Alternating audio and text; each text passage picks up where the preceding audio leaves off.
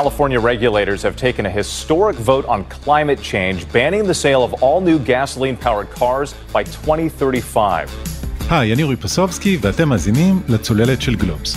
בשבוע שעבר מדינת קליפורניה בארצות הברית העבירה תקנות ולפיהן החל משנת 2035 תיאסר מכירה של מכוניות חדשות מונעות בבנזין בשטח המדינה.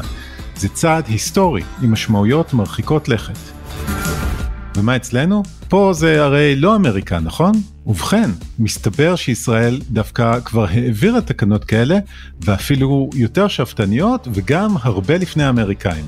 אבל מה קורה בשטח? זה כבר פחות מרשים.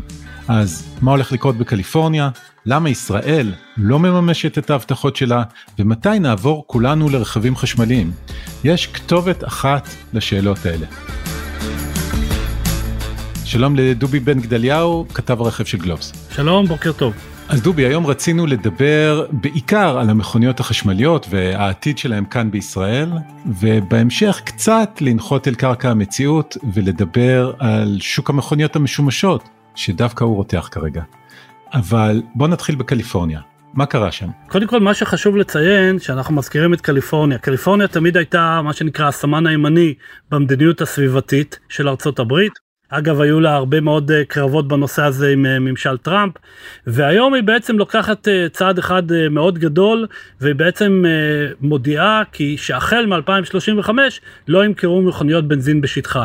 עכשיו, זה נשמע לנו קצת טריוויאלי, אבל האמריקאים שבעצם שוק הרכב החשמלי שלהם הוא זעיר, עם כל הכבוד לטסלה שהיא אמריקאית, שוק הרכב החשמלי בארצות הברית נכון להיום זה משהו כמו 4-5 אחוז, ואמריקאים באופן מסורתי לא רק שאוהבים רכבי בנזין, הם אוהבים רכבי בנזין גדולים, ענקיים וצמאים עם מנועים עצומים, אז בשבילהם זה שינוי מחשבתי מאוד מאוד מרחיק לכת.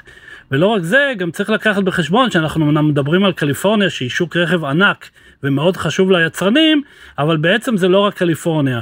כי קליפורניה נחשבת לבאמת אה, המובילה בנושא של סביבה, והרבה מאוד מדינות מיישרות איתה קו, מדינות בתוך ארצות הברית.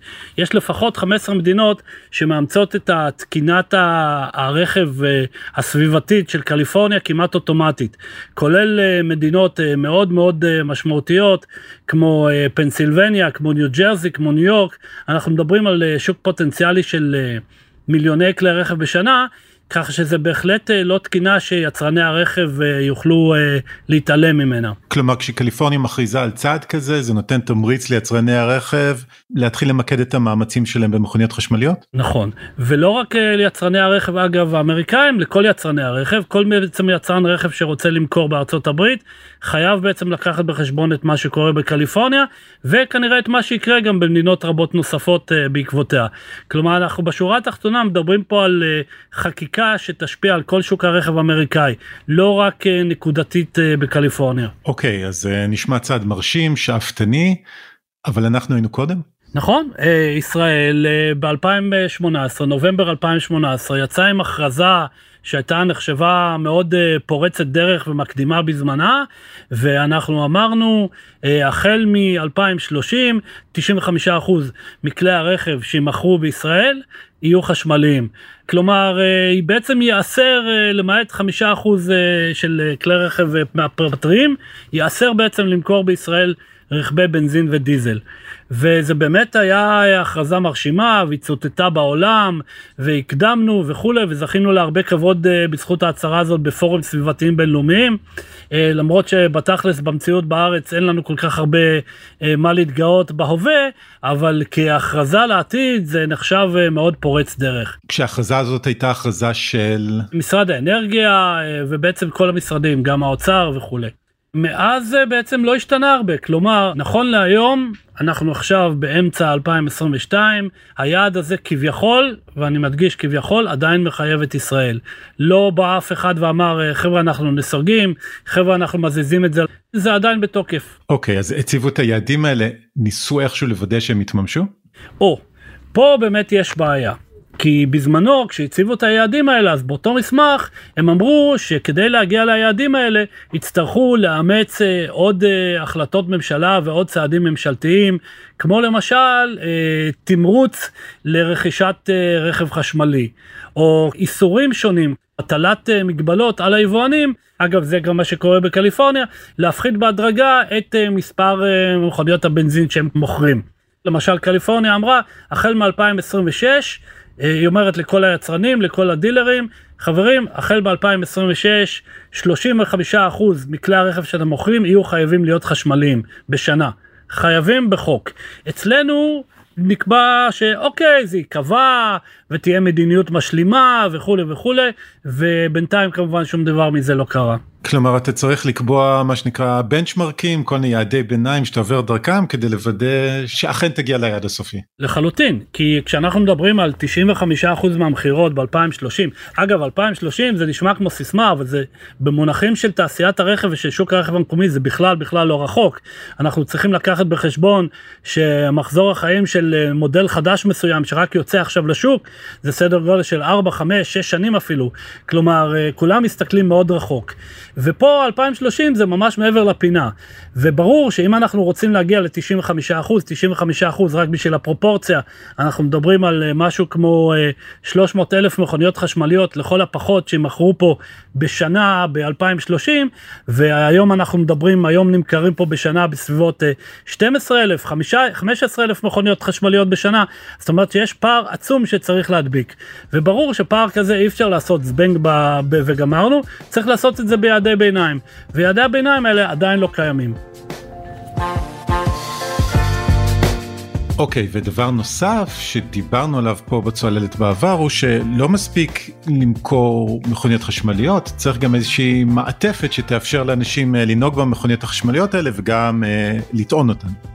ברור, כי כשאתה מדבר על אה, כמויות, אנחנו עכשיו, אנחנו מדברים על 300 אה, אלף אה, מכוניות ב-2030, אז זה ברור ששנה לפני זה, אם אנחנו רוצים להגיע לזה, יימכרו נאמר 200, 250 אלף, ושנה אחת לפני זה יימכרו עוד 150, 200 אלף. כלומר, אנחנו מדברים שעד סוף העשור ינועו פה סדר גודל של לפחות חצי מיליון מכוניות חשמליות על הכבישים. חצי מיליון מכוניות חשמליות זה המון. המון, זה אומר היום צריך סדר גודל של לפחות באירופה אומרים אה, עמדת טעינה מהירה אחת לכל אה, סדר גודל של 15-20 אה, מכוניות. ואנחנו היום סך הכל עמדות הטעינה המהירות שקיימות בישראל במימון ממשלתי יש היום משהו כמו 60 עמדות וגם הן אגב רובן מרוכזות באזור גוש דן. וזה יודע אגב כל מי שכבר היום למרות שסך הכל נעים על כבישי ישראל פחות מ-30 אלף מכוניות חשמליות כל מי שנוסע קצת מעבר לגוש דן נוסע לפריפריה יודע ש... והוא בונה על טעינה בדרך, יודע שהוא צריך לנדוד הרבה כדי למצוא אה, עמדות טעינה. צריך לתכנן את המסלול מראש.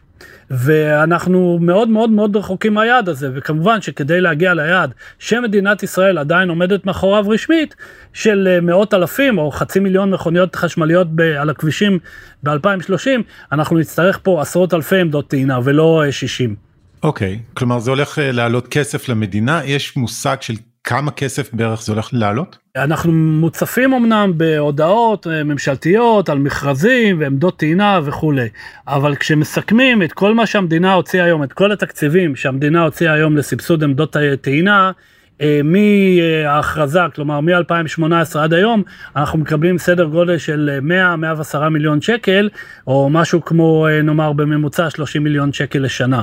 עכשיו, זה טיפה בים. ניקח למשל את הבריטים אה, שהם אה, בונים עכשיו על אה, גם כן תוכנית דומה לשלנו 2030 אפס בנזין רק עכשיו באפריל השנה הם הקצו תקציב של משהו כמו 1.6 מיליארד pound לסבסוד עמדות טעינה. עכשיו כמובן אנחנו מדינה יותר קטנה אבל עדיין לפי הערכות אנחנו נצטרך פה לפחות לפחות לפחות סדר גודל של 12 אלף עמדות טעינה מהירות אה, עד אה, אה, אמצע עשור, אולי קצת מעבר לזה. כלומר, הפער הוא עצום. וברור, עכשיו, מה שחשוב להדגיש, שהכסף הממשלתי הזה אמור לבוא בעיקרון מבנזין. ואם אנחנו מסתכלים אה, על אותם המאה ועשרה מיליון שקלים שהוקצו במשך שלוש שנים, הכנסות המדינה מבלו על בנזין, שזה נקרא לזה הדלק המזהם, באותם השלוש שנים הם היו אה, סדר גודל של אה, משהו כמו 60 מיליארד שקל. באותם השלוש שנים, 50-60 מיליארד שקל. כלומר, הקצו לכל הסיפור 110 מיליון שקלים מתוך 60 מיליארד שקל הכנסות שזרמו מדלק מזהם. וכמובן שהפרופורציה הזו היא לא הגיונית. כן, כלומר לקחו פחות מ-2% פחות או יותר מכל ההכנסות מדלק שזרמו uh, לקופת המדינה והשקיעו אותם במעבר מבנזין לחשמל. ואם אנחנו לוקחים בכלל את ההכנסות, uh, בכלל ההכנסות ממיסים מאז שהוכרזה התוכנית הזאת, כולל מס קנייה, שווי שימוש, דברים כאלה, אז אנחנו מדברים אפילו על uh, פחות מחצי אחוז. וגם זאת היא פרופורציה שהיא לא הגיונית, בוודאי ובוודאי לא למדינה ששואפת uh, שכאלה כמויות של רכב חשמלי יהיו על הכבישים. אגב, כמובן, מספר העמדות או הזמינות של העמדות משפיעה מאוד גם על ההחלטות של אה, הלקוחות, האם לעבור לחשמל או לא. מי שאין לו נקודת אה, חשמל בבית ובונה על אה, חשמל לאורך הכבישים או על נסיעות ארוכות, ואין תשתית כזאת, כמובן הוא לא ירכוש רכב חשמלי. כן, שאם כבר הזכרנו את נושא המיסים, צריך להגיד שהמיסים על רכבים חשמליים בכלל הולכים לעלות. נכון. פה יש באמת בעיה. נזכיר שוב פעם שבמסמך המקורי, מסמך ההכרזה המקורי, המקורי מ-2018, אמ, המדינה אמרה שהיא מתכוונת לגבש שיטות מיסוי שיעודדו מעבר לרכב חשמלי. זה מופיע במפורש, זה מופיע שם בכתובים, ובין השאר נאמר שמתכוונים את הטבת המס הנוכחית על רכב חשמלי, כלומר 10% מס קנייה, לשמר לפחות עד 2025. לא חלפה אלא שנה וחצי, והאוצר הוציא תוכנית אה, ב-2019, תוכנית אה, רב שנתית, שבעטייה אנחנו ב-2023, ינואר 2023, מס הקנייה על רכב חשמלי הולך להכפיל את עצמו מ-10% ל-20%. אנחנו מדברים כמובן על סוף השנה הנוכחית. ולא רק זה, ב-2024, ינואר 2024, זה יקפוץ ב-15% נוספים. עכשיו, איך זה מסתדר עם היעד של אה, לתת תמריצי מס לרכב חשמלי, זה לא ברור. ומה שקורה עכשיו בשוק זה באמת הבלגן שלא היה צריך לקרות. כלומר, הרבה אנשים שחושבים להזמין מכונית ולקבל אותה בשנה הבאה, לוקחים בחשבון שהמכוניות הולכות להתייקר בעוד אה, אלפי עד עשרות אלפי שקלים, כמובן בתלוי לרכב, ואז אה, פשוט רוכשים בנזין, מעכבים את ההחלטה. וזה כמובן הפוך למה שהצהירה הממשלה בזמנו. אוקיי, okay, ויש פה נקודה עקרונית יותר, שאם אה, רוצים שאנשים יעברו למכוניות חשמליות, ויעברו בהמוניהם, כלומר אה, אנשים מכל שכבות ההכנסה, צריכות להיות מכוניות כאלה שהן שוות לכל כיס. כשמדינת ישראל מדברת שב-2030, בעוד שבע שנים, 95% מכלי הרכב שימכרו בישראל יהיו חשמליים, הם לא מתכוונים רק למה שקורה היום, שהמחיר הממוצע של רכב חשמלי זה 170 אלף שקל, הם מתכוונים שזה יהיה בכל השוק. כלומר, גם ב mass market, מה שנקרא השוק העממי או השוק ההמוני. וברור שבשביל זה צריך להיות מכוניות שהן זולות באזור ה-100, 110, 120 אלף אה, שקל, אולי אפילו פחות. עכשיו, אה, בזמנו, ב-2018 כשגיבשו את התוכנית נקודת המוצא הייתה שכרגע אה, המכוניות החשמליות הן באמת יקרות אבל ככל שיעבור הזמן ויעבור אה, התעשייה תעבור לייצור המוני אז בעצם המחירים ירדו ובסוף ישתוו לאלה של מכוניות בנזין ואז יהיה יותר קל אה, א' להשיג את היעד וב' גם המדינה תצטרך פחות להתערב אבל כמובן שזה לא מה שקורה היום. אה, מ-2018 השתנו הרבה דברים השנה היה לנו את המלחמה באוקראינה, יש לנו פה בעצם אה, מחסור מאוד מאוד רציני בעולם בליתיום, וכל הדברים האלה גרמו לעלייה של אה, אלפי אחוזים במחירי הליתיום בשנתיים האחרונות. גם מחירי הסוללות עלו, גם אה, מחירי חומרי גלם אחרים חיוניים כמו ניקל, כמו קובלט, עלו במאות ובאלפי אחוזים. ואז יש לנו פה בעצם בעיה, כי המחירים לא הולכים לרדת בזמן הקרוב. בטח ובטח לא הולכים לרדת אה, אה, בשלוש, ארבע, חמש שנים האחרונות, מחירי הרכב החשמלי. ואז אתה חייב בעצם את העידוד הממשלתי הזה. והנה פה פתאום באה הממשלה, ותוך אה, בעצם שהשוק רק החל לתפוס, כבר אנחנו באים וחוטפים, אה, מכפילים בעצם את מס הקנייה, ובעצם אה, בעוד אה, שנה משלשים את מס הקנייה. וכמובן שזה בעצם אה, הממשלה בעצמה מציבה אבן נגף בפני היעד שהיא עצמה הציבה. אוקיי, אז רק כדי לוודא שאני מבין את התמונה, יש גורמים uh, עולמיים שקשורים ממש למחסור פיזי בחומרי גלם שהולכים לייקר את המכוניות החשמליות בכל העולם, פשוט בגלל שחסרים חומרי גלם לבטריות למשל. מתישהו זה ייפתר אבל זה ייקח זמן וזה הולך לייקר את המכוניות החשמליות. אז אתה אומר, אוקיי, אם זה המצב, אז הממשלה הייתה יכולה להגיד, uh, אנחנו נספוג חלק מההתייקרות הזאת כדי לוודא שאנשים עוברים למכוניות חשמליות ובמקום זה הולכים רק לייקר אותם פה עוד יותר באמצעות עליית מס. בעצם לא הייתה צריכה לספוג, היא בעצם הייתה צריכה להמשיך עם התוכנית של 10% מס קנייה, תקרה של 10% מס קנייה, במקום אה, מס קנייה של אה, 65% או 70% על רכב בנזין, ולהמשיך עם זה עד 2025, עד 2026, בעצם להראות לשוק שיש פה יציבות, שיש פה מדיניות יציבה לתמוך במחירים של רכב חשמלי. וצריך לזכור שהמחירים בעצם כבר עלו, אנחנו יכולים לקחת את הדוגמה הכי בולטת, שבעצם אה, זה טסלה, שמיום החדירה שלה בישראל, שהיא נכנסה לישראל עם מחירי אה, אה, פתיחה של משהו כמו 186 אלף אה, שקלים, היום אנחנו כבר מדברים על מחיר בסיס של טסלה סדר גודל של 224-225 אלף שקלים. כלומר אנחנו מדברים על התייקרות מאוד מאוד משמעותית, וטסלה זה דוגמה טובה, כי טסלה בעצם אומרת אנחנו חייבים לייקר את זה בגלל מחירי חומרי הגלם, בגלל עליית מחירי הסוללות, בגלל עליית מחירי האנרגיה. ובעצם אפשר להגיד שמה שטסלה עושה היום, בעצם כולם יעשו, או התחילו כבר לעשות, זה בעצם ליישר קו כלפי מעלה. כלומר, המדינה לא יכולה להתחמק ולהגיד, אוקיי, אנחנו נלך לישון וכוחות השוק יעשו את שלהם, המדינה צריכה להגיד, אנחנו, אוקיי, התחייבנו, יש לנו יעד, אנחנו צריכים לסייע בזה, כי אחרת שוק הרכב החשמלי יהיה שוק של uh, פריבילגיה בלבד. כלומר, שוק של uh, העשירון או מאיון העליון. אוקיי, אז uh, בהקשר הזה אולי כדאי לחזור לארה"ב, uh, יש בה את המדינות uh, כמובן כמו קליפורניה שדיברנו עליה, אבל יש שם גם את הממשל הפדרלי, ורק לאחרונה ראינו אותו מעביר תוכנית שהולכת להרחיב משמעותית את התמיכה ברכב חשמלי, שכוללת שם גם סובסידיה. נכון, הממשל הפדרלי עד היום העניק סובסידיה של 7,500 דולר לכלי רכב חשמליים, אבל הוא בעצם קבע מכסה שמדובר על עד 200 אלף מכוניות בשנה. עכשיו המכסה הזאת בעצם ירדה ואין הגבלה. כמובן שמה שהשתנה זה בעצם הם לקחו את הרעיון של אמריקה פרסט והם הולכים לתת עכשיו את, ה, את אותה סובסידיה רק לאנשים שיקנו אה, תוצרת ארצות הברית, מכוניות חשמליות שמיוצרות בארצות הברית, וגם אה, יש שם סלקציה לפי אה, הכנסה שנתית, ולפי איפה מיוצרות הסוללות וכולי. אבל בשורה התחתונה, אה, הממשל האמריקאי מכניס את היד, או מתכוון להכניס את היד לכיס הרבה יותר עמוק, כדי לסבסד ולעזור לרכב החשמלי. ציינו קודם את הנושא הזה של התשתית, שהממשל האמריקאי גם הקצה אה, לא מזמן כמעט 7.5 מיליארד דולר לנושא הזה של הרחבת תשתית הטעינה, שמבחינתם זה חלק אה, בלתי נפרד מהעידוד למעבר לרכב חשמלי, והרעיון הוא להקים אה, עשרות אלפי עמדות טעינה לאורך ההייווייז המרכזיים בארצות הברית.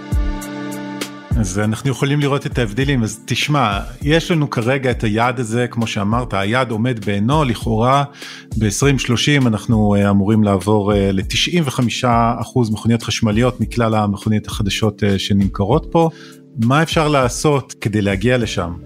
קודם כל, לדחות או לעכב את כל המהלכים, או מהלכי, המהלכים הפיסקליים שבעצם אה, מחבלים בתוכנית, לבטל את הנושא הזה של עליית המס אה, בינואר הקרוב. לבטל אותה מכיוון שהשוק עדיין לא הצליח להסתגל אליה, מכיוון שהיא מכניסה מהומה אה, בלתי אה, צפויה, אגב, צריך לזכור שיש תמיכה בנושא הזה בחלק מהמשרדים הממשלתיים, המשרד לאיכות הסביבה והמשרד האנרגיה תומכים בזה, אבל נכון לעכשיו זה תלוי במשרד האוצר וכנראה, כנראה שזה לא הולך לקרות. זה לא הולך לקרות בגלל, מכיוון שזו תוכנית שתוכננה אה, הרבה זמן אה, עוד לפני והיא כרגע מתקדמת על טייס אוטומטי, כלומר אה, צריך החלטה כדי לעצור אותה, אבל בהיעדר החלטה כזאת היא תיכנס לתוקף בכל מקרה. דבר שני, כמובן צריך להשקיע הרבה הרבה הרבה יותר בתשתית הטעינה. מה שאמרנו זה שיטת הביצה והתרנגולת, אנשים לא יקנו רכב חשמלי אם לא תהיה טעינה. חברות הטעינה לא ישתלם להם להכניס את זה מכיסן.